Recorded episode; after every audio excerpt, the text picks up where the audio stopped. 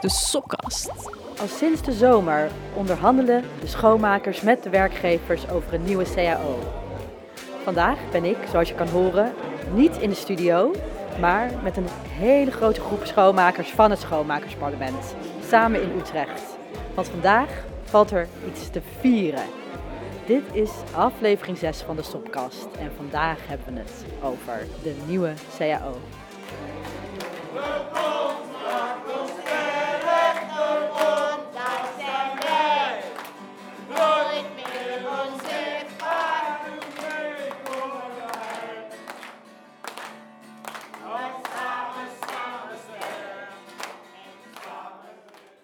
Afgelopen zomer begonnen de onderhandelingen tussen de schoonmakers en de werkgevers.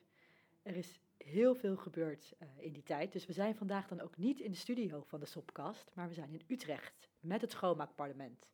Renate Bos, FNV-bestuurder en onderhandelaar namens de schoonmakers, welkom.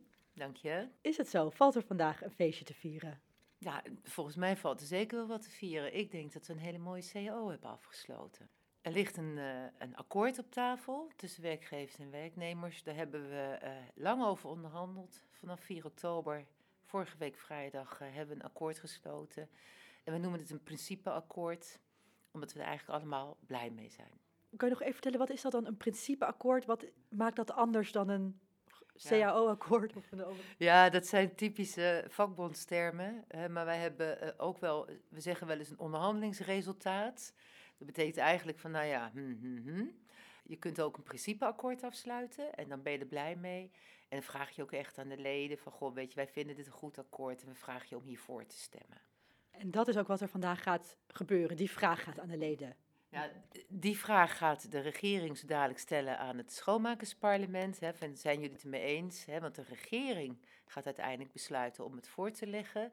En die wil ook aan het schoonmakersparlement vragen Vinden jullie het een goed idee als we het voorleggen met een, wat we dan noemen een positief advies? Ja. Helder. En wat maakt voor jou dat jullie een positief advies willen vragen? Nou, een paar dingen zeker. Ik denk dat we uh, na hele lange strijd wel uh, en ook mooie actie van de uh, schoonmakers in Apeldoorn op 22 november um, hebben laten zien, waar ze ook hebben laten zien hoe belangrijk het is dat ze er meer geld bij krijgen. Um, dat we goede uh, loonstijging hebben afgesproken. Uh, eh, 3,4 voor volgend jaar en ook nog 0,3 in eindejaarsuitkering. Dat is ook gewoon loon. Uh, en het jaar daarop samen 3% en dan nog voor een half jaar 1,75%. En ik denk dat dat mooie stijgingen zijn. Um, daarnaast ben ik ook wel heel trots en blij op de regeling die we hebben afgesproken voor kaderleden we willen dat kaderleden echt gezien worden als de vakbond op de werkvloer. En dat zijn de mensen met wie de werkgevers en de leidinggevenden ook in gesprek moeten. En we hebben afgesproken in de CAO dat kaderleden ook het recht hebben om dat te doen en ook beschermd worden.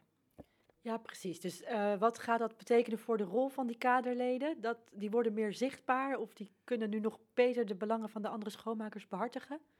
Dat hoop ik. Ja, gaat nooit, niks gaat vanzelf, hè. Maar in ieder geval in de CAO staat nu, je hebt het recht om met je leidinggevende te praten over dat de CAO niet nageleefd wordt.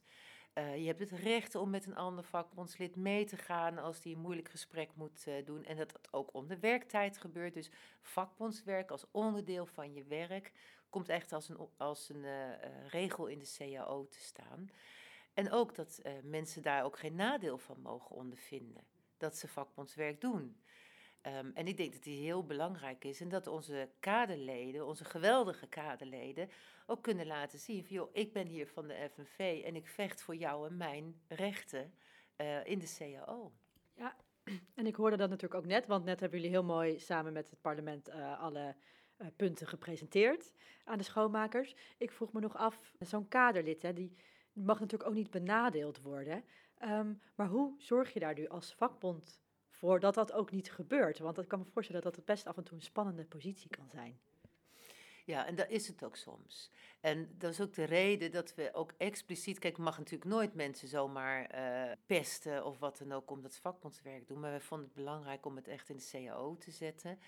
Uh, wat we hebben afgesproken uh, daarnaast, dus een convenant, hè, zeg maar soort afspraak met werkgevers, dat onze kaderleden, tien van hen, ik denk de schoonmakersregering, samen met tien ja, bobo's, zeg maar, van de grote schoonmaakbedrijven, twee keer per jaar ook aan tafel gaan zitten om te praten over van wat gaat er nou mis en hoe kunnen we dat nou beter maken. En daarmee geven de werkgevers ook toe dat er wel veel misgaat. Ondanks dat er dus wel in mooie woorden al veel in overeenkomsten staat afgesproken. Dat is natuurlijk waar we het eerder over hebben gehad. We hebben al zoveel afgesproken, maar het moet gebeuren. Gaat dit daar nu bij helpen? Ja, afspraak is afspraak, hebben wij gezegd. En je moet wat we afspreken ook doen. en dan helpt het als je met elkaar ook afspreekt. We gaan twee keer per jaar aan tafel zitten om daarover te praten. en het helpt ook dat we een CEO gaan maken die begrijpelijker taal heeft maar, uh, dus vind ik ook een goede afspraak en een belangrijke afspraak. maar ik denk echt de rol voor kaderleden van de CAO, die is er niet zomaar. En die CAO die is ook van mij, die is van jou en ook van mij. En onze afspraak is ook een afspraak. Eh, ik weet dat jullie de, de, onderhandelingen ingingen met een looneis van uh, een minimum van 14 euro. Komt dat wat jullie nu bereikt hebben hierbij in de buurt? Nou, wat we hebben gezegd is, kijk, in de schoonmaak werken heel veel mensen die minder dan 14 euro verdienen. En wat we hebben gezegd is, we willen 14 euro. Um, maar omdat het zoveel mensen zijn die daar nog onder zitten, hebben we, snappen we ook en, en uh, vinden we het ook niet raar dat die 14 euro niet gelijk per 1 januari er is. Maar als je goed rekent, dan zie je dat we op 1 januari 2024 voor de grootste groep 14 euro of meer hebben. Gefeliciteerd daarmee. Dankjewel. En vooral voor de schoonmakers. Hey, en nu? nu uh, wat gaat er nu gebeuren? Nou, um, zo dadelijk na de lunch. Uh, we hebben goed gesprek gehad, de schoonmakersregering en met het parlement over wat ze is afgesproken. We zijn nu even aan het lunchen. Kunnen nog moeilijke vragen gesteld en beantwoord worden. En dan gaan we daarna stemmen. En dan gaan we aan al onze leden een brief sturen of een e-mail Um, en dan kunnen zij stemmen over het akkoord wat er ligt, of ze ervoor of tegen zijn.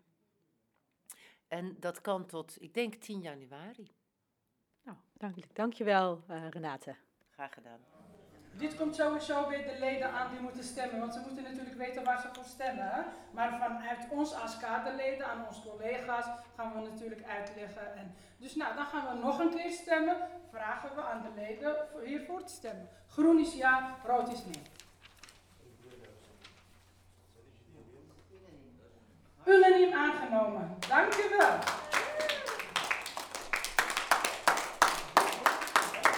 Ik applauseer. En de regering. Wel even. De complimenten gaat ook naar de regering toe. De complimenten gaat ook naar onze parlement toe. Want lieve mensen, het begint bij de leden. Naar het parlement, naar de regering, naar de onderhandelaar. Want alleen samen doen we het. Hè? En samen zijn we sterk en we kunnen elkaar allemaal. Zojuist hoorde je Khadija Tahiri. Ze sprak de deelnemers van het Schoonmakersparlement toe. Khadija is zelf schoonmaker en voorzitter van het Schoonmakersparlement. Khadija, jij zat zelf ook bij de onderhandelingen. Je hebt dus meegepraat over deze nieuwe CAO. Hoe was dat? Ja, goedemiddag. Uh, ja, uh, dat, uh, dat was fijn. En, want wij zitten, ik zit namens de schoonmakers aan tafel. En ik zeg altijd, het gaat over ons. Dus het is wel fijn dat iemand van ons daar zit. het was in het begin was heftig. gewoon dat werkgevers ook begonnen met corona en dat er te weinig te besteden valt. Maar uiteindelijk zijn we toch bij elkaar gekomen. Ja, want dat betekent dus dat je tevreden bent met het resultaat? Ja hoor, ja, wij zijn tevreden vanuit de regering. We hebben het voorgelegd aan het schoonmakersparlement. En uh, die waren ook tevreden en we hebben bijna anoniem uh, met ja gestemd. Wat is iets waar jij het meest trots op bent, wat jullie nu hebben binnengesleept? Het is niet één ding, het is eigenlijk de hele eh, afspraken wat wij hebben gemaakt. Uh, sowieso natuurlijk loon, want dat is gewoon belangrijk. Uh, we komen op een gegeven moment toch naar die 14 euro. we hebben afspraken over scholing gemaakt voor mensen die graag een leidinggevende diploma willen halen. Dus daar zijn goede afspraken. Binnen nu en 2,5 jaar 500 mensen mogen opgeleid worden. Dat is echt fijn. we hebben afspraken over ieder stoppen met werken. We hebben afspraken over hoteltoeslagen. De, de, de, zeg maar, de vrije dagen of feestdagen zijn terug. En voor de rest gaan we gewoon ook door. Uh, met alle zijn we tevreden met alle resultaten wat we nu binnengehaald hebben. Nou, mooi. Gefeliciteerd. Heel fijn. Dank u wel. Nu schuift bij mij aan Harry Hogeboom, ook bestuurder van FNV Schoonmaak en tweede onderhandelaar bij de. Nou, waren het moeizame of gemakkelijke CAO-onderhandelingen, Harry? Uh, dit waren de eerste onderhandelaren waar ik als onderhandelaar direct zelf ook mee aan tafel zat. Dus dat was voor mij ook heel speciaal. Ik, uh, ik werk al 15 jaar voor uh, FNV en voor de vakbond van schoonmakers. Dus ik heb er vaak rondomheen gezeten, acties gevoerd uh, in diverse trajecten. Uh, en ook vaak bij die onderhandelingen in de achterafkamer gezeten. Uh, ik vond de onderhandelingen tot nu toe, zoals ik ze heb meegemaakt, altijd zeer frustrerend. En ik was ook zelden tevreden over de uitkomsten daarvan. Um, nu heb ik zelf in dat proces gezeten. En ik moet ook zeggen, van, het, het was spannend tot de laatste dag ik dacht, ik heb de hele tijd het idee gehad dat het niet goed zou gaan en dat we uiteindelijk acties en stakingen moesten gaan organiseren. Daar was ik al veelvuldig over aan het nadenken. Uh, maar op de laatste dag is alles toch gaan schuiven en hebben we een akkoord gehaald die ik, uh, die ik voor het eerst eigenlijk als echt goed moet beoordelen als bestuur. Ja. Wat fijn. Ja, ik ben natuurlijk hier vandaag ook de gast bij het Schoonmaaksparlement en ik heb wel het gevoel dat er de sfeer hangt dat er iets te vieren valt.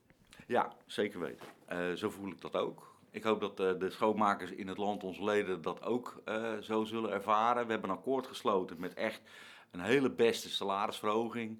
2,5 jaar, 7,65 procent, dat hoor je op dit moment heel weinig.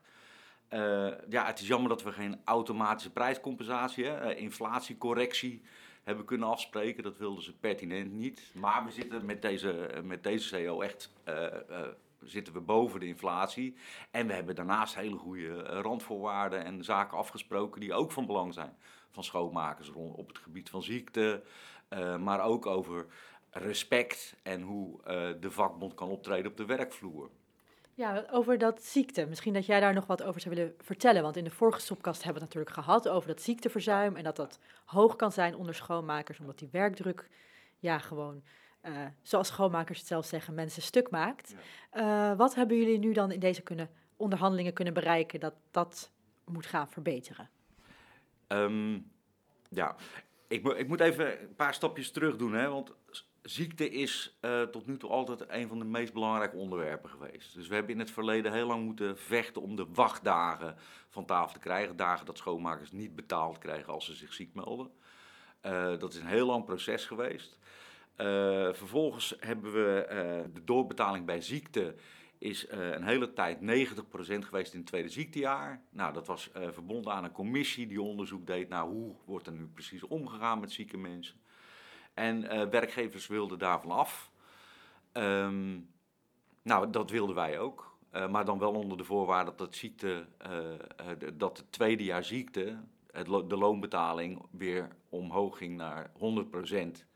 En dat hebben we kunnen afspreken deze ronde. Dus dat betekent dat er geen pesten meer is van zieke mensen. dat er geen straf ligt op, op het ziek zijn. En dat mensen gewoon doorbetaald krijgen uh, waarvan wij vinden dat ze daar recht op hebben. Ja, want nog heel even dan voor de luisteraar. Eerder was dat dus niet zo. Eerder werd je dus niet altijd doorbetaald bij ziekte. Nee, je werd. Uh, aanvankelijk had je wachtdagen. Uh, daarnaast had je uh, doorbetaling bij ziekte op hetzelfde niveau als dat je normaal betaald krijgt, dus 100%. Tweede ziektejaar was 90%. Dus er gingen mensen dus 10% in de loon erop achteruit. Maar ziekte is vooral ook een onderwerp wat uh, uh, voor schoonmakers speelt uh, op de objecten waar ze werken. Eh, en de relatie met leidinggevende wordt daardoor ook heel erg bepaald. Er wordt heel veel druk uitgeoefend op mensen. er wordt buiten de wettelijke kaders en de afspraken om wordt er, worden mensen geïntimideerd. Als je je ziek meldt, dan vraagt een leidinggevende wat heb je en je moet naar kantoor komen. Als je daar gehoor aan geeft, dan zit je op een kantoor en dan zeggen ze tegen je van ja, als je naar kantoor kan komen, dan kan je ook wel gaan werken. Dus er wordt, er wordt uh, heel veel druk uitgeoefend op mensen. Uh, er wordt ook altijd moeilijk gedaan als mensen uh, een bedrijfsarts willen, willen spreken. de bedrijfsartsen die er zijn, staan ook vaak in een relatie met de werkgever, dat ze meehelpen om druk uit te oefenen op mensen. En je ziet gewoon dat mensen door de werkdruk allerlei problemen ontwikkelen die echt werkgerelateerd zijn. Aan het bewegingsapparaat, uh, slijmbeursontstekkingen en daar uiteindelijk stuk doorgaan. Dus. En dit gedeelte, hè, die druk en dat, uh, dat pesterige gedrag van mensen naar uh, kantoor laten komen en dan zeggen, nou ga dan ook maar meteen uh, hier even stofzuigen. Is dat ook iets wat in die onderhandelingen dan aan bod is gekomen? Heb je het gevoel dat jullie daar stappen in hebben gezet? Ja, uh, dat hebben we, maar um, dat is niet één op één. Wij hebben al heel vaak met onze leden naar voren gebracht dat de, de, de relaties in de schoonmaak verschrikkelijk zijn. En dan hebben we het over intimidatie, dan hebben we het over pesterijen en vriendjespolitiek. Als wij dat naar voren brengen, dan zeggen de werkgevers altijd van ja, dat is heel erg en dat mag niet, maar het is niet representatief voor de sector. Dit is niet zoals het overal gaat. Terwijl wij als vakbond overstelpt worden van dit soort verhalen door onze leden. Nou, belangrijk daarbij is dat uh, de afspraken die wij daarop maken nageleefd moeten worden. En uh, de werkgevers waarmee we onderhandelen, die zeggen altijd dat ze dat doen. Maar in de praktijk zien we dat er 120.000 schoonmakers heel vaak niet de rechten krijgen die we hebben afgesproken. Ook op dit gebied.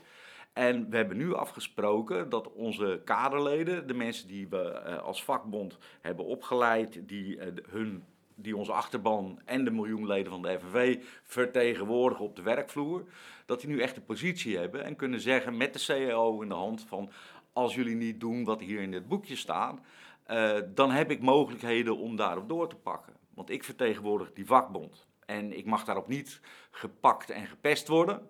Dat staat ook in het boekje. En ik heb toegang tot uh, de directie, zeg maar, om zaken daar te bespreken als er op uh, de werkvloer dingen niet goed worden opgepakt. Ja, dat is ook een mooi resultaat. Hey, en ja, dus eh, al met al tevreden. En eigenlijk zeg je ook wel, wauw, bijna voor het eerst in die zoveel jaren dat ik erbij betrokken ben. Is er nog iets waarvan je denkt, ah, balen, of nou ja, die komt de volgende keer terug, of daar had ik meer op gehoopt? Ja, schoonmakers verdienen nog steeds onvoldoende om een gezin op een normale manier te onderhouden. Uh, dat heeft allerlei negatieve gevolgen voor mensen. Uh, dat betekent dat ze niet goed mee kunnen doen in deze Nederlandse samenleving. Dat kinderen niet kunnen sporten, dat uh, mensen moe thuis zitten na een dag werken. Wat absoluut niet de bedoeling is. Dus het gaat nog steeds om respect. Het gaat om, om een rechtvaardig loon. En een rechtvaardig loon is volgens ons als vakbond 14 euro en een automatische prijscompensatie. Nou, als we daar zitten eh, en er wordt geïnvesteerd in mensen, zodat ze zich kunnen ontwikkelen en ook andere dingen kunnen gaan doen, ja, dan hebben we echt stappen gezet. Maar daar zijn we nog niet. Daar moeten we echt nog uh, flink voor aan de weg gaan timmeren met onze leden. Maar zoals wij altijd zeggen, wij gaan door. Dankjewel, Harry. Alsjeblieft. Vrij, trots, ons Wij gaan door.